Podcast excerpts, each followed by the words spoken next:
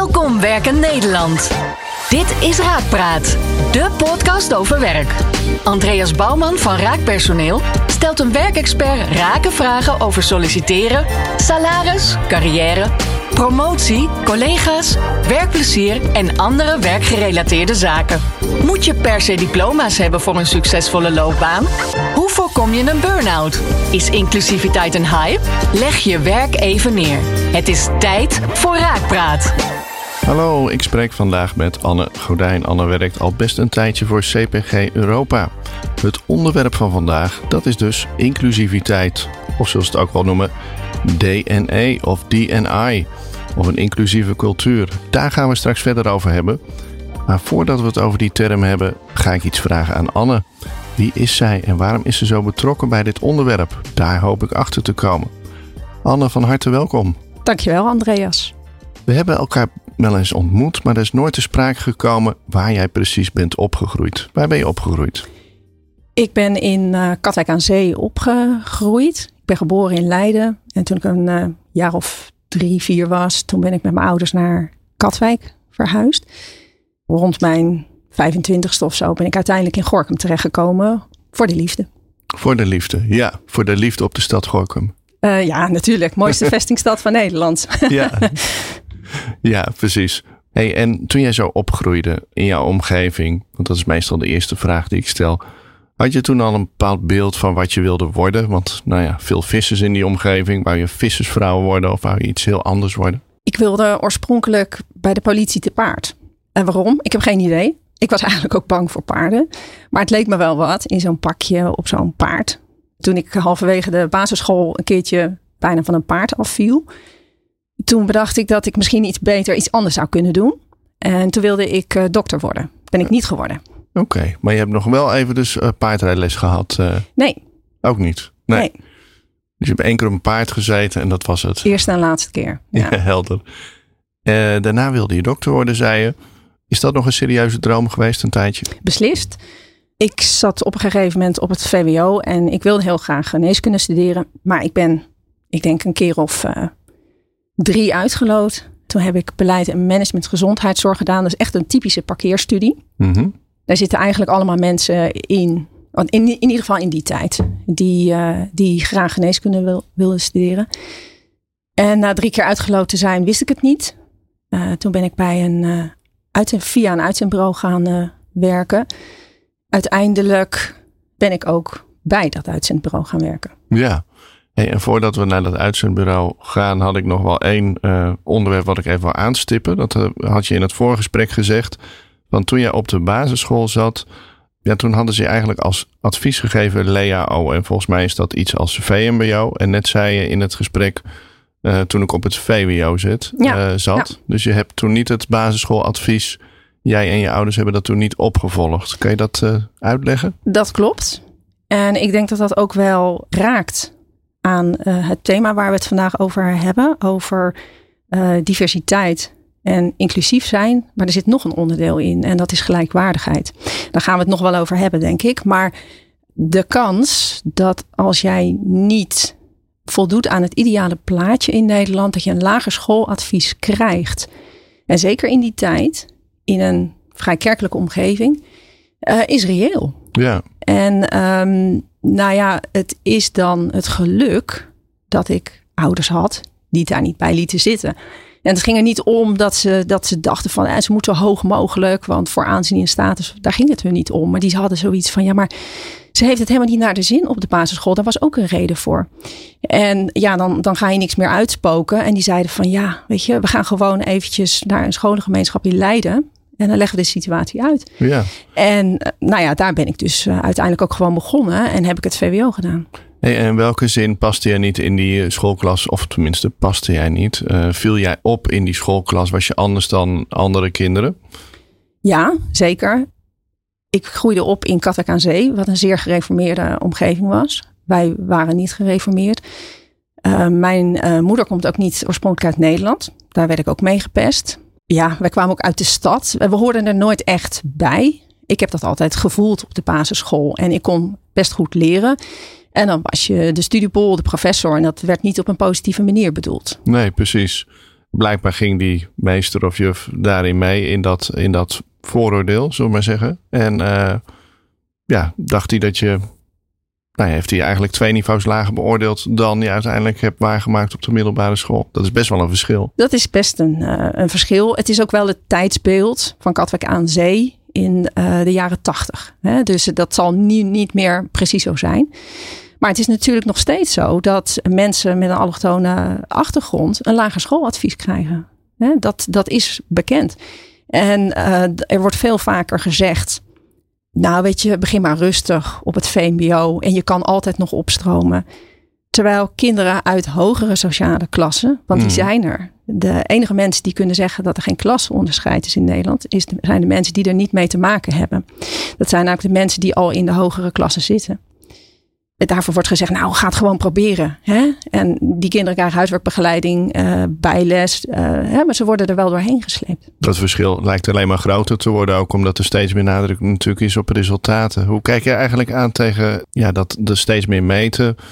En het verschil tussen CITO-scoren en het advies van de, van de leraar. Want ja, een CITO-scoren is, is misschien wat onafhankelijk, wat objectiever dan de blik van, van de leraar. Hoeft natuurlijk niet, hangt van de leraar af. Maar... Ik denk dat heel veel afhangt ook van de leerkracht. Maar um, uh, het nadeel van een CITO-score is dat je in de eerste plaats heel talig moet zijn. Dus als jij heel goed bent in rekenen, maar je snapt heel die uh, redactiesommen niet, dan sta je al met 1-0 uh, achter. Als jij dus geen Nederlandse uh, achtergrond hebt en je bent wat minder taalvaardig, of je bent überhaupt taalvaardig, hè? dat kan ook zijn als je hier wel geboren en getogen bent, dan sta je al met 1-0 achter. Bovendien kan je net op die dag gewoon heel slecht scoren. Want je, je hebt niet lekker geslapen of je was heel zenuwachtig. En dan heb je tenslotte natuurlijk de kinderen, de kinderen die um, allerlei CITO trainers doen. Hè? Er zijn heel veel ouders die doen hun kinderen op allerlei CITO trainers zodat ze uh, met, uh, nou ja... Vlag en wimpels slagen, terwijl ja. ze misschien helemaal niet die intelligentie hebben. Is er een uh, ideaal beeld van hoe dat, zou dat misschien later dan in andere, andere landen hè, wordt dat pas op je 13e, 14e, 15e bepaald welk niveau je hebt. Is dat beter misschien? Of. Ik ben natuurlijk geen deskundige op, uh, op onderwijs, maar ik kan me voorstellen dat het ook best lastig is als je een jaar of twaalf bent en je moet een keuze maken. Want zelfs al zou je naar het uh, eh, VMBO gaan, dan moet je al een keuze maken of je naar uh, groen gaat of naar bouw of naar zorg en welzijn. Hè? Dus dat je, je, je legt kinderen best wel een een druk op. En als je dan het geluk hebt, zoals ik, uh, dat ik naar een middelbare school ging waar de eerste en de tweede MAVO, HAVO, VWO was. Ik hoefde pas daarna een keuze te maken, of er wordt, werd voor mij een keuze gemaakt, zo was het ook wel. Ga je naar de MAVO, ga je naar de HAVO of naar het VWO? Maar dan ben je weer net wat ouder. Ja, oké, interessant. Heeft natuurlijk ook raakvlakken met ons thema. Uh, maken we even een klein sprongetje in de tijd. Want jij begon op een gegeven moment bij een uitzendbureau te werken voor een uitzendbureau. Was dat werk ook wat je ervan had verwacht? Had je er een bepaald beeld bij voordat je ging starten? Het leek me leuk. Ja. Het leek me gewoon leuk en dat was ook leuk. Ik wist eigenlijk, was toen uh, al een aantal keer uitgeloot. En uh, nou ja, ik had wat omzwervingen gemaakt, ben met wat dingetjes begonnen en niet afgemaakt. En ik wist het eigenlijk ook allemaal niet meer. En toevallig kwam ik bij dat uitzendbureau terecht. Want mijn vader die kon het allemaal niet meer aanzien. En die had uit uh, het Leids Dagblad een stukje gescheurd. En daarop stond ja, er was een vacature als journalist voor het Leids Dagblad. Dat was toch wel wat voor mij. Want ik kon best leuk schrijven. Dus ik keek naar dat stukje en toen draaide ik het om. En toen stond er aan de achterkant een advertentie van een uitzendbureau. En toen dacht ik, oh, maar dit vind ik veel leuker.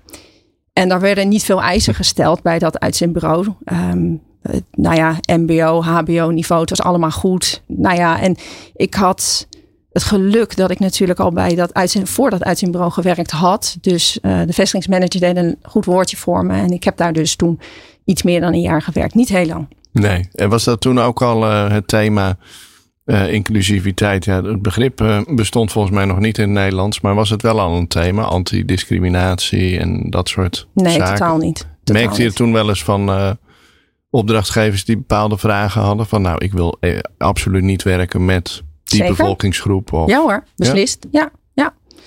En het, het was wel zo dat in de opleiding kwam al naar voren dat dat niet mocht. Dus wij, wij mochten niet gaan selecteren op ras-echte Nederlanders, zeg maar. maar als een opdrachtgever dat zei, nou ja, dan, dan zeiden we dat niet met zoveel woorden, maar dan probeerden we daar wel aan te voldoen, ja. Ja, ja. Hm. Hey, en toen uh, ben je, voor je, hè, ben je van, van baan veranderd. En wat ben je toen gaan doen? Nou ja, ik zat bij dat uitzendbureau en zoals ik al zei, voor de liefde ging ik verhuizen. Mm ik had een concurrentiebeding, dus uh, ik mocht niet naar een ander uitzendbureau. Anders had ik dat waarschijnlijk wel gedaan.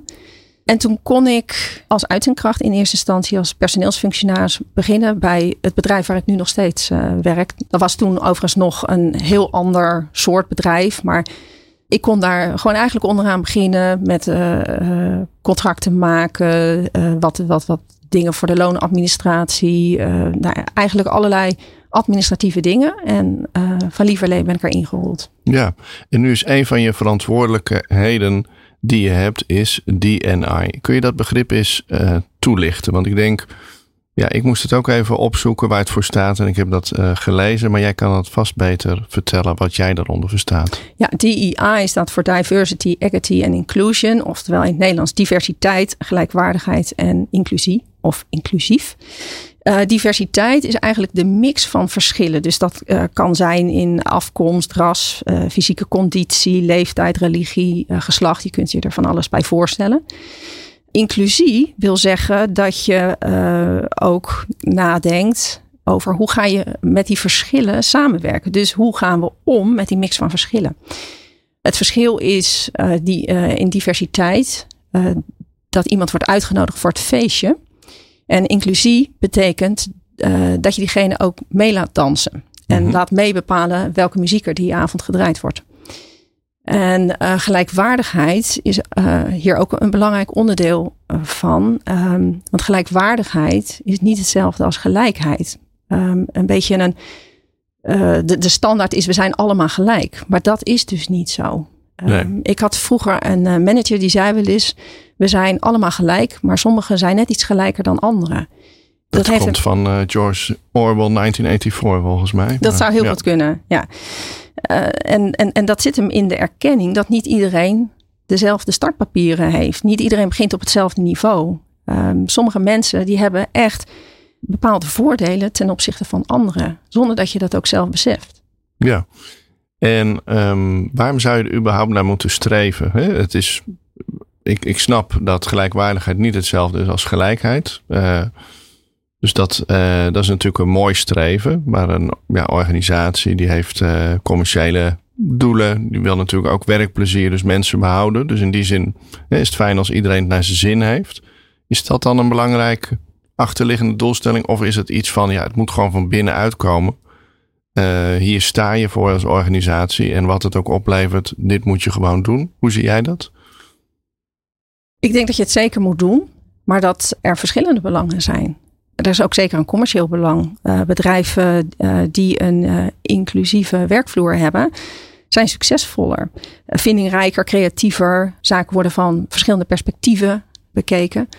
als je hoort bij een bedrijf van er is een familiecultuur. Mm Dat klinkt heel positief, maar de kans is ook aanwezig. Dat hoeft niet, maar de kans is aanwezig dat als de ene zegt we gaan links, dat de andere als in een soort automatisme volgt je hebt mensen nodig die binnen de groep zeggen van ja, maar ik denk daar over, eh, anders over. Hè? Dat die zeggen van ja, uh, ik heb er toch een andere, andere kijk op. Ook uh, denk ik dat het voor het aantrekken van potentieel ook belangrijk is. Want als je zegt van ja, we willen eigenlijk alleen maar blanke mannen van 45. Ja, op een mhm. gegeven moment zijn ze op. Maar er zit er een uh, tegenover je. Er zit er één tegenover me, ja. En als ik zo om me heen kijk, binnen de organisatie zitten er heel veel rondom me. Ja. Er wordt ook natuurlijk vaak gezegd, ja, maar wij hebben best een divers uh, personeelsbestand. Ja, maar niet per se inclusief. Want als dat betekent, en dan neem ik onze eigen organisatie uh, in Nederland als voorbeeld. Ja, we zijn hartstikke divers. We hebben mensen met allerlei allochtone achtergronden. Niet westers, wel westers, mm -hmm. ouder, jonger. Maar als je kijkt hoe dat dan verdeeld is. Ja, de mensen met een niet-Nederlandse achtergrond, die vind je niet terug op kantoor. Nee. Vooral in uitvoerende functies binnen de productie. Dat herkennen en erkennen, uh, is wel belangrijk. Ja, en dat begint al volgens mij bij het selecteren. En, uh, ik heb van jou wel eens horen zeggen, ja, hoeveel je achter staat als je A, vrouw bent, B, als je een hoofddoekje hebt. Want uh, als dat allemaal op je cv staat, wat, wat voor nadelen levert dat dan op? Ja, nou ja, als je, als je ervan uitgaat dat je drie cv's hebt van, uh, die, die allemaal gelijkwaardig zijn qua ervaring, qua opleiding. Ja, de kans dat je aangenomen wordt met een Nederlandse naam is uh, zo'n beetje vijf keer groter dan dat jij een, uh, een Turkse naam hebt en een hoofddoek vijf Keer, vijf keer groter? Vijf keer groter, ja. ja. dat is natuurlijk wel een enorm verschil. Dat is een enorm verschil. Hey, en heb je ook voorbeelden van bedrijven die want dit zijn doelen die we dan nastreven. Zijn er bedrijven die dat allemaal al hebben gerealiseerd? Die al ergens zijn van ja, dat is nou echt een voorbeeld van een bedrijf die, die dat al helemaal goed op de rit heeft. Of die dat van nature gewoon heeft uh, staan? Een uh, bedrijf uh, die dat echt goed doet, vind ik. Dat is mm -hmm. Achmea. Die hebben ook een, eh, een diversity eh, manager eh, in dienst genomen op een gegeven moment. Om te kijken wat ze beter kunnen doen. Het is één ding om mensen met een andere achtergrond, of dat nou religie of, of, of uh, geslacht of afkomst of ras of wat dan ook aan te nemen. Het gaat er ook om hoe hou je ze. En dan is het eigenlijk wel belangrijk dat er iemand is die daar uh, echt aandacht voor heeft. En ik moet zeggen dat Achmea dat wel goed doet. Ja, en ik denk dat er dan gewoon persoonlijke aandacht moet zijn van... hey, voel je je thuis of niet? Hè? Dat er in ieder geval gesprek is met, met mensen. Het moet een onderdeel uh, zijn van je hele employee journey. Hè? Om er maar een populair woord in te gooien. Dat ja. je zegt van nou ja, op het moment dat je mensen in dienst neemt het hele onboarding gedeelte. Maar ook daarna, als je gesprekken met mensen hebt, maar ook de leidinggevende daarop selecteren dat ze oog hebben voor verschillen. Ja, en hoe wordt er binnen jullie organisatie of in zijn algemeen aangekeken tegen het feit dat jullie ermee bezig zijn? Want je hoort ook tegengeluiden als een bekende uitspraak is van, nou, je mag ook niks meer zeggen tegenwoordig en uh, uh, woke en het is al snel uh, niet goed wat ik zeg. En nou ja, goed, die, die geluiden zijn er natuurlijk ook. Um, krijg jij dat ook te horen? Natuurlijk. Uh, een van de eerste dingen die mensen zeggen is van... oh, maar het maakt mij niet uit of, of we een man of een vrouw aannemen. Ik wil gewoon de beste. Mm -hmm. Maar dan begrijp je niet hoe jij in je onbewuste... een voorkeur hebt voor het een of het ander. En je ziet het overal, hè? Want um, als je kijkt naar het kabinet, de samenstelling daarvan hoe dat toch doorgaans blanke mannen zijn. En er zitten ook wel vrouwen in. Veel minder. Worden vaker tegengewerkt. Je kent ongetwijfeld van uh, Joris Luijendijk de, de zeven vinkjes. Er zijn maar betrekkelijk weinig mensen die zeven vinkjes hebben. Dus uh, nou ja, hetero, blank, geen accent, uh, minimaal één ouder in Nederland geboren, hoog opgeleid, hoog opgeleide ouders. Dat is heel essentieel, het mm. laatste. Dat is maar 3% van de bevolking, maar toch uh, vormen zij um, in, in de top van organisaties, van bedrijven, van de politiek, ongeveer 80 à 83 procent vervullen zij die posities. Ja, dus die zijn extreem oververtegenwoordigd. Ja, ja. die zijn extreem oververtegenwoordigd. En uh, ja, uh, Mark Rutte, die, die zegt dan van ja, maar ja, we geven iedereen een kans. Ja, maar we geven iedereen een gelijke kans, waarbij we totaal niet stilstaan dat sommigen al op achterstand bestaan. Dus ja, dan krijg je van ja, maar ja, positieve discriminatie is toch ook discriminatie? Ja, op het moment dat je, dat je allemaal dezelfde startpositie hebt, is dat zo. En hopelijk is dat ooit zo. Maar op dit moment is dat niet zo. Nee. Nee, en dat doet me ook een beetje denken aan die uh, overheidscampagne die er nu is. Hè, om uh, vrouwen meer uren te laten draaien, omdat we gewoon uh, arbeidstekort hebben. Maar die is volledig gericht op van nou grijp je kans vrouw en ga in plaats van 28, 32 uur werken of uh, pak er wat uurtjes bij. Uh, en de kritiek daarop die ik lees, die gaat eigenlijk over de mannen. Van ja, uh, die vrouwen werken over het algemeen een maximaal aantal uren, omdat ze ook nog heel veel zorgtaken hebben, heel veel onbetaald uh, werk. Dus waarom zou dat niet, daar niet wat meer aandacht voor zijn, dat dat eerlijker wordt verdeeld? Wat vind je daarvan? Dat is, dat is ook zo. Ik bedoel, um, als je kijkt wie de hulpouders zijn op school, dat zijn natuurlijk vaker vrouwen dan, dan mannen. maar ik denk dat ook vrouwen elkaar dat wel aandoen. Je wordt er toch op aangekeken als je 32 uur of zelfs nog meer uren werkt. Als je, als je kinderen hebt, daar ben je gewoon op aangesproken. Ja, dan ben je geen goede moeder. Dan ben je geen goede moeder. Ze zeggen ook wel eens, vrouwen moeten werken alsof ze geen moeder zijn. En voor hun kinderen zorgen alsof ze geen werk hebben. Ik heb dat ook wel uh, meegemaakt, dat, uh, dat dat gewoon tegen me werd gezegd. En in een vrij recent verleden namen we voor de buitendienst een vrouw aan. En een van de, van de mensen die met haar sprak was van, maar hoe ga je, het is wel een fulltime functie. Hoe ga je dat dan doen met je, met je eh, kinderen straks. Hij heeft zich wel gecorrigeerd en ook zijn excuus aangeboden van ja, dat slaat eigenlijk helemaal nergens op. Want dat zou ik aan een mannelijke sollicitant niet vragen. Maar dat zit zo ingebakken in onze cultuur. En um, ja, de stereotypen over hoe je, hoe je gezien wordt als, uh, als man of als vrouw. Hè. Een, een man is uh, jong en veelbelovend, maar een vrouw is jong en onervaren. als een man nadenkt over een beslissing en een beetje daar de tijd voor neemt, dan is die wel overwogen. Hè? Dan neemt hij zijn beslissing wel overwogen. Een vrouw is waarschijnlijk te voorzichtig of onzeker. Maar als een man nou zegt van nou, we gaan het zus of zo doen, dan is die daadkrachtig en de vrouw is een bitch. Ja. Dus zo wordt er wel naar gekeken. En daar heb je echt mee te maken. En terugkomend op jouw vraag van, of jouw opmerking van, um, ja, je kan tegenwoordig niks meer zeggen, hè? Dat, dat mensen dat, uh, dat roepen. Want ja, alles is vrouwonvriendelijk en overal wordt aanstoot aangenomen. Dat is een opmerking die je eigenlijk alleen van mannen hoort. Van vrouwen heb ik serieus nog nooit gehoord van je kan tegenwoordig niks meer zeggen over mannen. Ik had dat uh, laatst, zei, zei een man tegen me van ja, je moet uh, continu moet je opletten wat je zegt, want alles kan verkeerd uitgelegd uh, worden.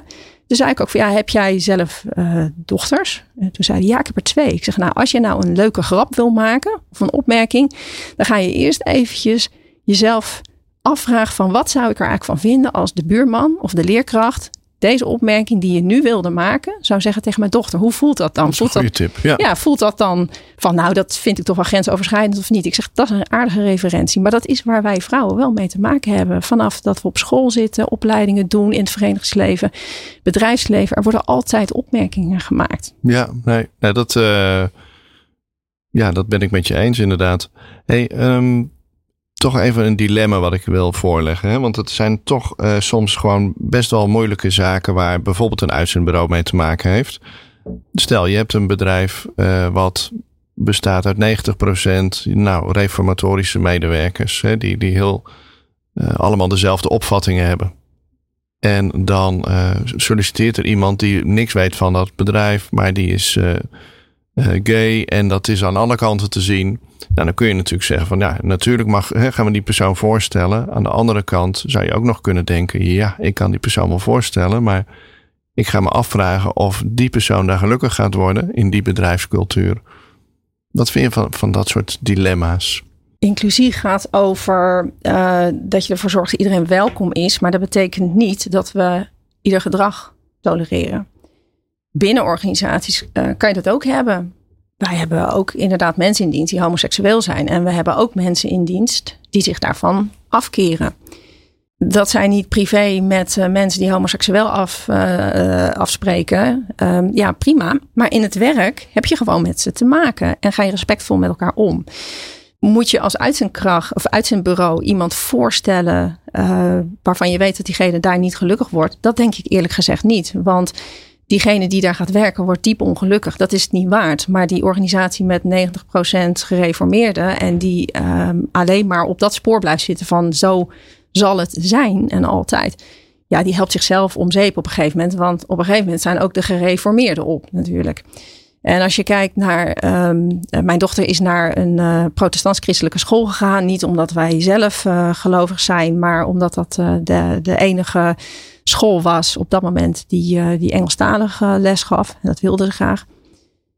Dat was een protestants-christelijke school. Maar daar gaven ook leerkrachten les die niet christelijk waren. Er zaten ook leerlingen op die moslim waren. Dus dat, dat kan heel goed. Ja. Terwijl vroeger hadden zij in hun, in, in, in, hun vacatures ook staan dat iemand een christelijke identiteit moest hebben. Dat hebben ze er ook niet meer in staan, want je houdt dat niet vol. Nee, je houdt dat niet vol. Hey, en wat is jullie doel uiteindelijk binnen de CPG Europa van om te realiseren? Is dat echt een volledige afspiegeling van ja, van de samenleving worden? Ja. ja, dat is het uiteindelijke doel. Dus daar hebben we echt nog wel wat stappen te maken hoor. Want we doen dat echt nog niet goed. Dus um, een afspiegeling van de, uh, van de samenleving waar mensen zich veilig voelen om zichzelf te zijn. Ja, want je zei al van oké, we hebben dus van allerlei geloofsovertuigingen, man, vrouw. Uh, uh, hebben we binnen ons bedrijf zitten. Maar wat doen jullie nog niet goed genoeg? Bijvoorbeeld in onze documentatie gaan we altijd uit van uh, de heer of mevrouw. Maar we hebben nu binnen de Europese organisatie in ieder geval nu drie mensen die zich uh, niet identificeerden met het oorspronkelijke geslacht dat ze hadden. Um, en dan kan dat heel vervelend zijn voor die mensen om continu met meneer of mevrouw aangeschreven te, te worden. En dat kan je ook heel makkelijk vermijden, bijvoorbeeld. Dus uh, uh, je hoeft niet mensen allemaal als meneer of mevrouw aan te, aan te spreken. Dus het zit vaak in kleine dingen. Um, maar het zit hem bijvoorbeeld ook in het luisteren naar mensen. Dus wat we nu gaan doen, is juist mensen oproepen om deel te nemen in een, in een werkgroep. Van ja, wat heb je nou eigenlijk nodig? Wat maakt dat het voor jou prettig is om hier te werken? Wat moet er dan veranderen? Want wij kunnen dat allemaal wel gaan zitten bedenken als site management team. Maar dan zit je natuurlijk met relatief veel zeven vinkers. Ja, precies. En het, het ideaal is misschien ook niet helemaal realiseerbaar. Want stel dat je in een, noem maar even, een fabriek van 500 mensen één non-binaire hebt. Ja, moet je daar dan een apart toilet voor maken? Daar zit ik gewoon even praktisch te mm denken dat wordt misschien wel ingewikkeld. En dan zijn er hele, door gewoon te luisteren, heb je al misschien een veel makkelijkere oplossing. Ja, dat, dat denk ik ook. Um, ik denk dat het belangrijk is om te streven naar een reële afspiegeling van de samenleving. En als het gaat om non-binaire mensen, dat is natuurlijk ook niet een enorm grote groep in Nederland. Um, waar het vooral om gaat, is dat je mensen het gevoel geeft dat ze zichzelf mogen zijn. En uh, dan zul je met uh, iemand moeten bespreken van ja, wat vind je prettig? Hè? Uh, ga je naar het herentoilet, ga je naar het damestoilet of hebben we een toilet? Dat is wel de bedoeling overigens bij ons, om ook een toilet te hebben dat niet specifiek voor mannen of vrouwen is. Dus daar kan iedereen naartoe. Hm. Hey, en hebben jullie ook concrete cijfers? Want oké, met omzet heb je natuurlijk altijd, altijd KPI's en je wil ergens naartoe gaan. Hebben jullie ook, nou, we willen in 2030 een afspiegeling hebben die of een man-vrouw verhouding van 30%, 40%? Ja, ons eerste doel is een, uh, een uh, vertegenwoordiging van 30% op alle afdelingen en op alle niveaus. En daarna is het volgende doel om 50-50 uh, eh, te ja. gaan behalen. Ja. Hey, en voor MKB-bedrijven in Nederland, directeuren, HR-managers die hiernaar zitten te luisteren en denken van ja, ik heb best wel een eenzijdig personeelsbestand ik zie de voordelen ervan om dat wat diverser te maken en ook die mensen welkom te heten, dat ze zich veilig en fijn voelen uh, op onze werkplek. Heb je daar tips voor? Waar zouden ze moeten starten als ze daar nog geen enkele start mee hebben gemaakt? Begint natuurlijk bij het opvoeden van de bestaande uh, workforce. Want als jij gaat zeggen van ja, we gaan uh, nu uh, actief op zoek naar allemaal vrouwen of allemaal mensen met een andere culturele achtergrond of, of noem maar op, dan zijn die mensen ook zo weer vertrokken. Je moet echt jezelf recht in de spiegel kunnen aankijken van wat doen we. En wij zijn zelf ook op de vingers getikt, want wij hebben ook een externe adviseur eigenlijk onze activiteiten laten kijken op de socials. En toen zeiden ze van ja, waarom zou je bij jou willen werken? Als je niet een blanke man bent van, uh, nou ja, rond de 50 en het leuk vindt om uh, te fietsen. Want op alle socials, ja, dan gaan we weer fietsen voor de Mont van, op de Mont van Toe voor het KWF. En dan mm -hmm. doen we dit voor Orange Babies. Maar als je nou toevallig niet van fietsen houdt, of uh, we zetten erop, ja, we hebben jaarlijks een gezellige barbecue voor het hele gezin in het lokale zwembad. Ja, maar als je nou geen gezin hebt of je eet geen vlees. Dus ik wil niet zeggen dat die barbecue niet meer mag. Of dat we niet meer gaan fietsen voor de Mont van, van Toen. Maar je moet ook oog hebben voor andere zaken. Dus je kunt op de website ook prima mensen aan het woord uh, laten. Over hoe zij bijvoorbeeld uh, suikerfeest hebben beleefd. Ja, precies. Dus het begint bij bewustwording van hey, hoe welkom zijn we eigenlijk voor anderen. En hoe inclusief. Ja. Ja, en het is goed om daar juist ook door mensen naar te laten kijken die daar verstand van hebben, die dat zelf hebben meegemaakt aan, de, aan de lijve. Want het is ook heel moeilijk om je daarin te verplaatsen. Ja, want je eigen blik vertroebelt natuurlijk. En dan is het best wel handig om een ja, blik van een buitenstaander te hebben die je daarbij helpt. Hey, heb ik nog iets vergeten te vragen? We hebben van alles en nog wat aangetikt. Ongetwijfeld uh, niet alles behandeld, maar is er nog iets wat jij zou willen zeggen? Wat ik nog wil zeggen is dat het echt van belang is uh, dat we hiermee uh, als, als, als, als Nederlandse samenleving mee aan de, aan de slag gaan. Omdat we zelf vaak niet beseffen hoeveel privileges we, we hebben. En dat het eigenlijk niet voor iedereen zo vanzelfsprekend uh, is. Dat je de juiste opleiding kan doen. dat je met de juiste mensen in contact komt. Ja, nou je hebt de cijfers genoemd van de CITO-score, van het solliciteren van doorgroeien binnen een organisatie. Dus ik denk dat je dat uh, heel goed duidelijk hebt gemaakt. Bedankt voor het luisteren naar Raakpraat. Binnenkort weer een nieuwe aflevering met Andreas Bouwman en een verse werkexpert. Meepraten? Check de show notes en abonneer je op onze podcast. Werk ze!